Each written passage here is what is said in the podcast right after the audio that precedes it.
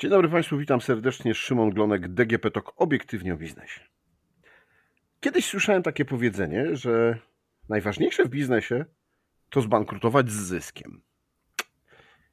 Mam wrażenie jednak, że nie często się to udaje, a wręcz bardzo rzadko. Dlatego może lepiej nie bankrutować. Może lepiej prowadzić biznes tak, żeby się rozwijał. Tylko jak tego dokonać? Czy czasy, w których teraz żyjemy, inflacja, e, drogie kredyty też dla firm, e, wysokie koszty pracy związane z podatkami, z obciążeniami ZUS-owskimi, e, ale też wysokie oczekiwania płacowe sprzyjają temu, że firmy będą bankrutowały. Między innymi o tym w tym podcaście porozmawiam z Bartoszem Majewskim, prezesem firmy Kazbek. Dzień dobry, witam serdecznie. Dzień dobry. Bardzo mi miło, że jestem z Panem i możemy sobie porozmawiać na ten temat, nawet jeżeli on nie jest łatwy. No właśnie, czy na co zwrócić uwagę? Jakie są symptomy, kiedy firma powinna zastanowić się, żeby coś zmienić, żeby coś zredukować, a może nie redukować, tylko właśnie przyspieszyć? Aby ustrzec się bankructwa? Często żartuję z siebie i swojego wspólnika, że my z ostatnich trzech kryzysów ekonomicznych przewidzieliśmy dziewięć. I to jest objaw, w mojej opinii, takiej produktywnej paranoi, że my często obawiamy się rzeczy, które później nie następują, ale dzięki temu, gdy coś się wydarza, jesteśmy dobrze przygotowani. I dzięki temu, że dbamy najpierw o defensywę, czyli pilnujemy kosztów, pilnujemy dywersyfikacji branż czy grup klientów. Nie mamy, nie wiem, jednego kluczowego klienta, który odpowiada za 70% naszych przychodów. No to jesteśmy w stanie, gdy pojawiają się okazje, właśnie przyspieszać i łapać. Mm, ale zaczyna się od defensywy, zaczyna się od tego, że mamy poduszkę na koncie. Zaczyna się od tego, że mamy dobrze policzone koszty, że wiemy, jakie mamy marże i że jesteśmy bezpieczni i możemy, jeżeli dostrzeżemy taką okazję, spiąć się do skoku i go wykonać. Więc myślę, że to tak naprawdę jest zawsze, a jeśli ktoś przysnął za kółkiem, e, no to niestety to, to, to, szarpnięcie, które trzeba wykonać, bywa trochę bardziej gwałtowne niż gdy jest się w tej w ciągłym stanie produktywnej paranoi. No dobrze, ale e, pan e, ma swoje doświadczenie też związane z trudnymi czasami, no bo na przykład początek pandemii e, to, to było zachwianie dla firmy, dla, dla pana biznesu. Udało się z niego wyjść. Natomiast doradza pan też innym przedsiębiorcom mm, w różnych branżach. To są takie złote zasady, są takie rzeczy, które nieważne od rodzaju, czy jest to, nie wiem, budownictwo, y, czy jest to przemysł spożywczy, czy są to usługi, to trzeba na to zwracać uwagę, tego pilnować, tym się A... interesować, żeby wiedzieć, że firma jest bezpieczna? E, tak, jest, jest kilka tego typu zasad. Nie wiem, czy one się aplikują do wszystkich branż, aczkolwiek no, tam, gdzie potrafię sobie wyobrazić tego typu sytuacje, tam one aplikują się dobrze. Naczelną jest to, że trzeba prowadzić rentowną firmę. Zawsze e, zgadzam się z tym, że lepiej zbankrutować z zyskiem niż prowadzić biznes ze stratą. E, ale jeszcze lepiej prowadzić ten biznes z zyskiem. To jest jakby jeden. I bardzo często na przykład startupy o tym zapominają i później jest problem, gdy mają kłopoty ze zbieraniem następnej rundy finansowania. Mm, druga rzecz to jest to, że należy mieć dojrzały emocjonalnie zespół. Ludzi, którzy nie panikują w trudnej sytuacji, ponieważ każdą sytuację da się pogorszyć paniką. A trzecia to jest właśnie bufor, to znaczy sytuacja, w której jesteśmy w stanie przetrwać pewien czas z ograniczonymi przychodami, bo jest jakieś zawirowanie na e, rynku. Ja niestety w tym marcu 2020, e, o którym mm, Pan wspominał, e, miałem tylko i wyłącznie półtorej miesiąca kosztów na koncie, w związku z czym musieliśmy się dość desperacko chwytać. Mhm. No dobrze, ale powiedział Pan na przykład o, o startupach, że lepiej, że, że, że trzeba prowadzić firmę dochodową i że w startupach nie zawsze się to pamięta. Ale ja mam wrażenie, że startupy no to są właśnie bardzo często takie firmy, które mają pomysł a, i nic więcej. I żeby pojawił się dochód, żeby pojawił się y, sprzedaż, żeby pojawił się zysk, no to trzeba dużo, dużo pracy i doświadczenia, a czasami też y, szczęścia, czasu Jasne. na pewno.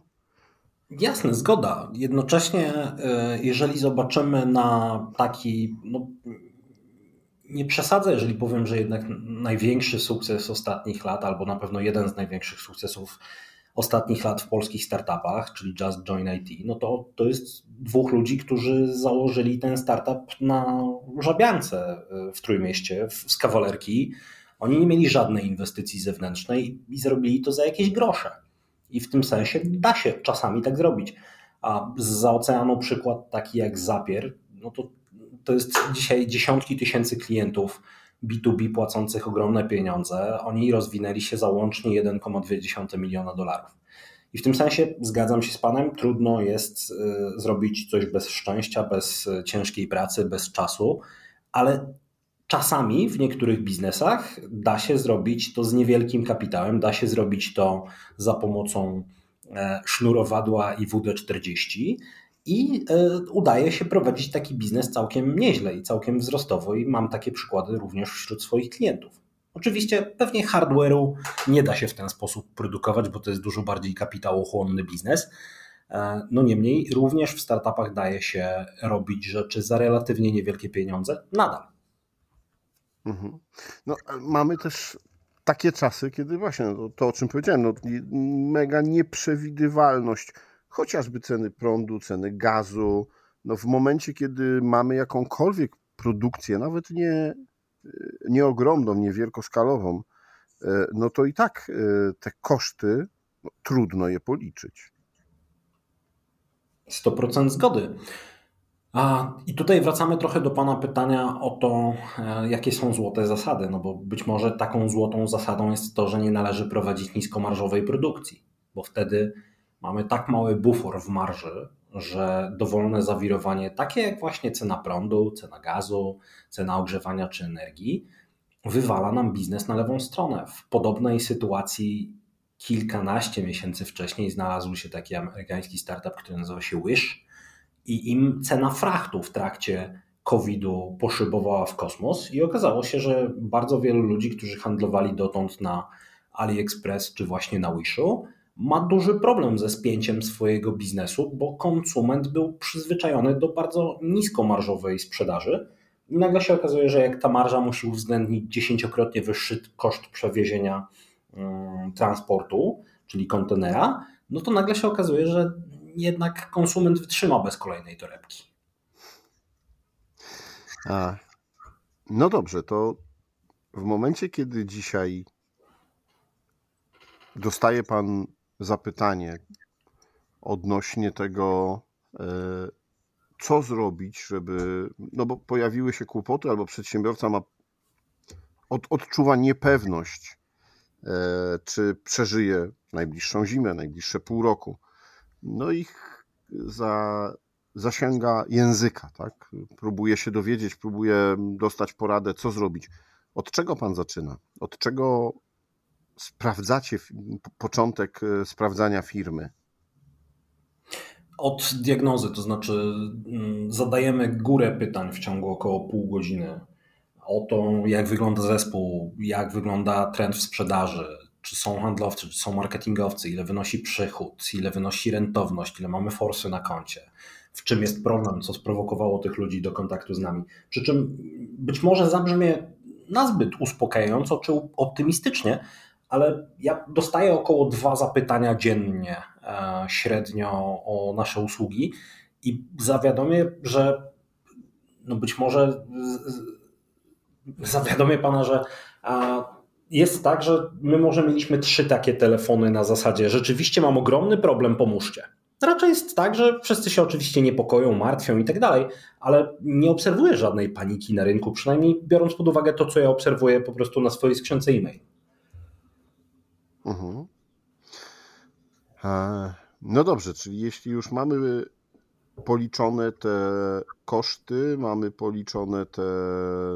Wiemy, kto sprzedaje, kto odpowiada za marketing, ile mamy pieniędzy na koncie, e, to co dalej?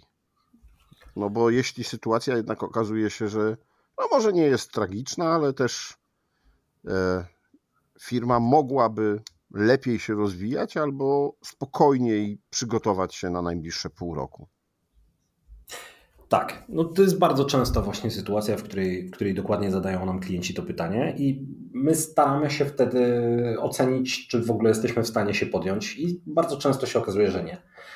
Lwia część e, projektów, które do nas przychodzą, okazuje się, że generalnie nie jesteśmy w stanie z jakiegoś powodu zrobić tej różnicy, którą, której poszukuje firma. Ale tam, gdzie jesteśmy w stanie zrobić różnicę, staramy się z, z, zamodelować jakiś w miarę sensowny punkt B do punktu A, który właśnie sobie zdefiniowaliśmy. Ok, to teraz jest tak, to jak chcemy, żeby było? Co spowoduje, że nasz klient otworzy butelkę szampana za rok?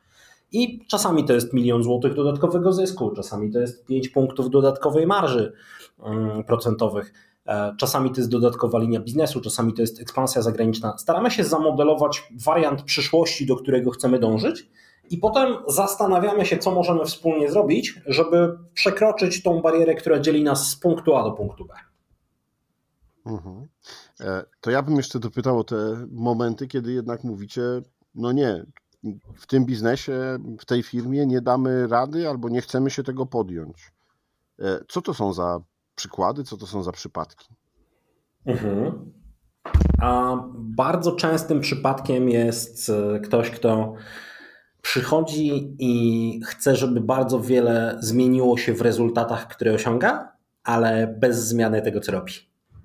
E, to gdybym był dietetykiem, to byłaby to historia w stylu e, chciałbym nadal jeść pizzę, nie ćwiczyć i, i pić bardzo dużo alkoholu i chudnąć.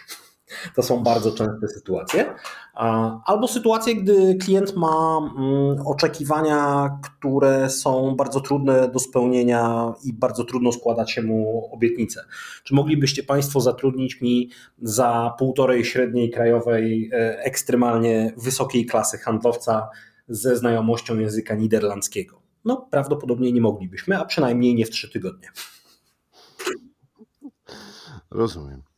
E, Jaka jest taka droga, no właśnie, to nazwać restrukturyzacji czy rozwoju, którą przedsiębiorca musi pokonać? I czy ona jest drogą mm, bardziej mentalną danego przedsiębiorcy, szefa, prezesa, właściciela firmy, bo pewnie to w zależności od wielkości firmy i modelu, jakim jest prowadzona, y, czy to są po prostu długotrwała zmiana, nie wiem, procedur, procesów, które wewnątrz organizacji zachodzą? W przypadku restrukturyzacji raczej mało jest miejsca na długotrwałość. Raczej, jeżeli dochodzimy do tego, że używamy słów takich jak restrukturyzacja, zwolnienia i tak dalej, mm, no to bardzo ważnym jest właśnie ten czynnik mentalny i bardzo ważna jest prędkość działania. Ten czynnik mentalny jest ważny, dlatego że bardzo ludzkim odruchem jest samo oszukiwanie się i przeciąganie sytuacji. Za chwilę odbije, wszystko będzie dobrze, musimy tylko przeczekać tego typu rzeczy. I w związku z tym przepracowanie w sobie czynnika mentalnego jest w ogóle wstępem do dyskusji u przedsiębiorcy. A jeśli chodzi o to, co się robi w restrukturyzacjach, no to są trzy kierunki. I taki, który daje efekty najpóźniej, niestety, to jest wysprzedawanie się z problemów.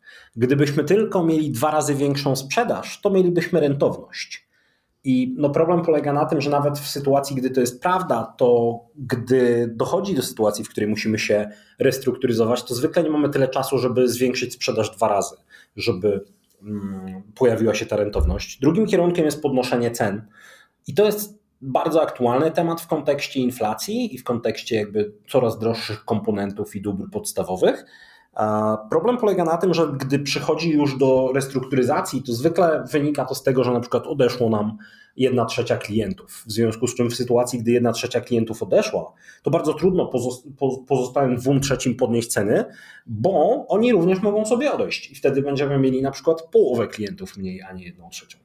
I trzeci e, element, który niestety jest najskuteczniejszy i który niestety jest najszybszy, no to, to są redukcje kosztów. No i to jest zawsze bolesne ze względu na to, że mówimy tutaj o etatach, mówimy o tym, że na przykład trzeba wypowiedzieć umowę biura. Mm, to są rzeczy, które ja również właśnie w tym marcu 2020 miałem okazję na własnej skórze przechodzić i poza pochwaleniem się tym, że zrzuciłem w ten sposób 10 kilo w 6 e, tygodni ze stresu, no to nie mam się za bardzo mm, do czego dobrze odnieść w zakresie swoich wspomnień z tamtego okresu. E, no tak, ale to e, myślę, że te doświadczenia też procentują teraz w rozmowie z klientem, bo może pan powiedzieć, że na własnej skórze pan to przeżył. Jakie są bolączki dzisiaj polskich przedsiębiorców? Który z tych obszarów, którymi się zajmujecie, najczęściej wymaga, no właśnie, przemyślenia, sprawdzenia, zmian, dopracowania. Czy to jest sprzedaż, czy to jest marketing, czy to jest y, właśnie no, zarządzanie zespołem, a, a może y, wymiana tego zespołu, czyli właśnie ten, sprawy personalne? Mm, sprawy personalne zawsze są aktualne, w tym sensie, że nie znam takiego przedsiębiorcy, który nie, nie chciałby mieć przynajmniej trochę lepszego zespołu, albo przynajmniej jeszcze jednego dobrego handlowca. I w tym sensie to jest coś, co jest y, nieskończenie zawsze aktualne. Z drugiej strony, takim, takimi dwoma dużymi leitmotywami, które my dzisiaj widzimy na rynku, to jest to, że pierwsze pokolenie polskiego biznesu, które jakby budowało swoje majątki i swoje firmy po 1989 roku, już dość mocno jest posunięte w latach i w związku z tym temat y, sukcesji naprawdę przybiera na, na tempie.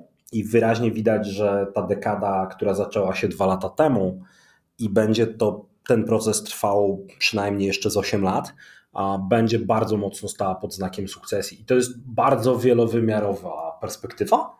I druga rzecz, którą dostrzegamy bardzo mocno, to jest to, że my jako Polska wpadamy właśnie w taki makrotrend z pułapki średniego rozwoju i to na perspektywie mikro powoduje, że te biznesy, które się fajnie spinały w oparciu o tanią pracę, w oparciu o nisko wykwalifikowaną siłę roboczą, przestają się spinać ze względu na to, że one najsłabiej reagują na wysoką inflację i na szybko zmieniającą się rzeczywistość.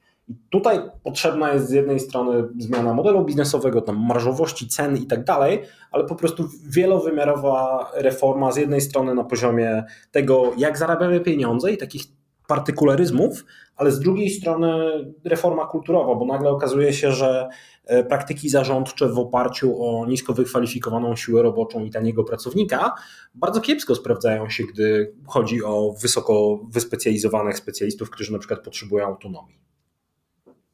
Mhm. Y, no jak wygląda właśnie sprzedaż? Jak wyglądają działania marketingowe? Czy mm, kiedyś takie popularne hasło Janusze marketingu to nadal jest bo, bolączka polskiego biznesu? Tak, Janusze marketingu nigdzie się nie wybierają, obawiam się. E, z wyjątkiem tego, że oni stają się coraz bardziej internetowi.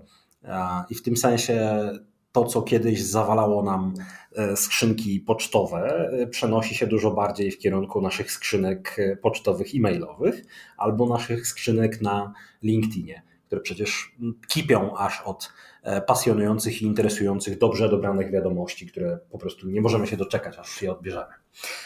Więc raczej jest tak, że, że sprzedaż i marketing migrują do internetu, że coraz większe elementy tej drogi zakupowej, także w firmach B2B, tam zmierzają. I pod górkę bardzo ma tak handlowiec, jak i firma, która na nim wisi, taki tradycyjny, który przemierza e, Rzeczpospolitą w krążowniku marki Skoda Fabia. To tu rzeczywiście jest trudność. E, rozumiem. No dobrze, to jakie są najczęstsze oczekiwania, że ten proces, który, który rozpoczynacie tą serią trudnych i czasami niewygodnych pytań, i później zmianami w mentalności prezesa i w restrukturyzacji, e, czy w e, procesach w firmie, jakie są oczekiwania? Że nie wiem, mhm. będzie firma stabilna w pół roku, że zarobię właśnie ten milion, o którym Pan mówił po, po roku. Perspektywa, którą myślą nasi klienci, jest zwykle 6 do 12 miesięcy, i w tej perspektywie staramy się poruszać, żeby spełniać ich oczekiwania. A ich oczekiwania co do celów, które mamy ostatecznie osiągnąć, są praktycznie zawsze takie same. Ludzie przychodzą do nas po wzrost przychodu i po wzrost rentowności spółki. W tej właśnie perspektywie 6-12 miesięcy. To, co się za każdym razem różni, to już są bardzo, bardzo indywidualne w zależności od branży i sytuacji firmy mm, przypadki, to są środki do osiągnięcia tego celu.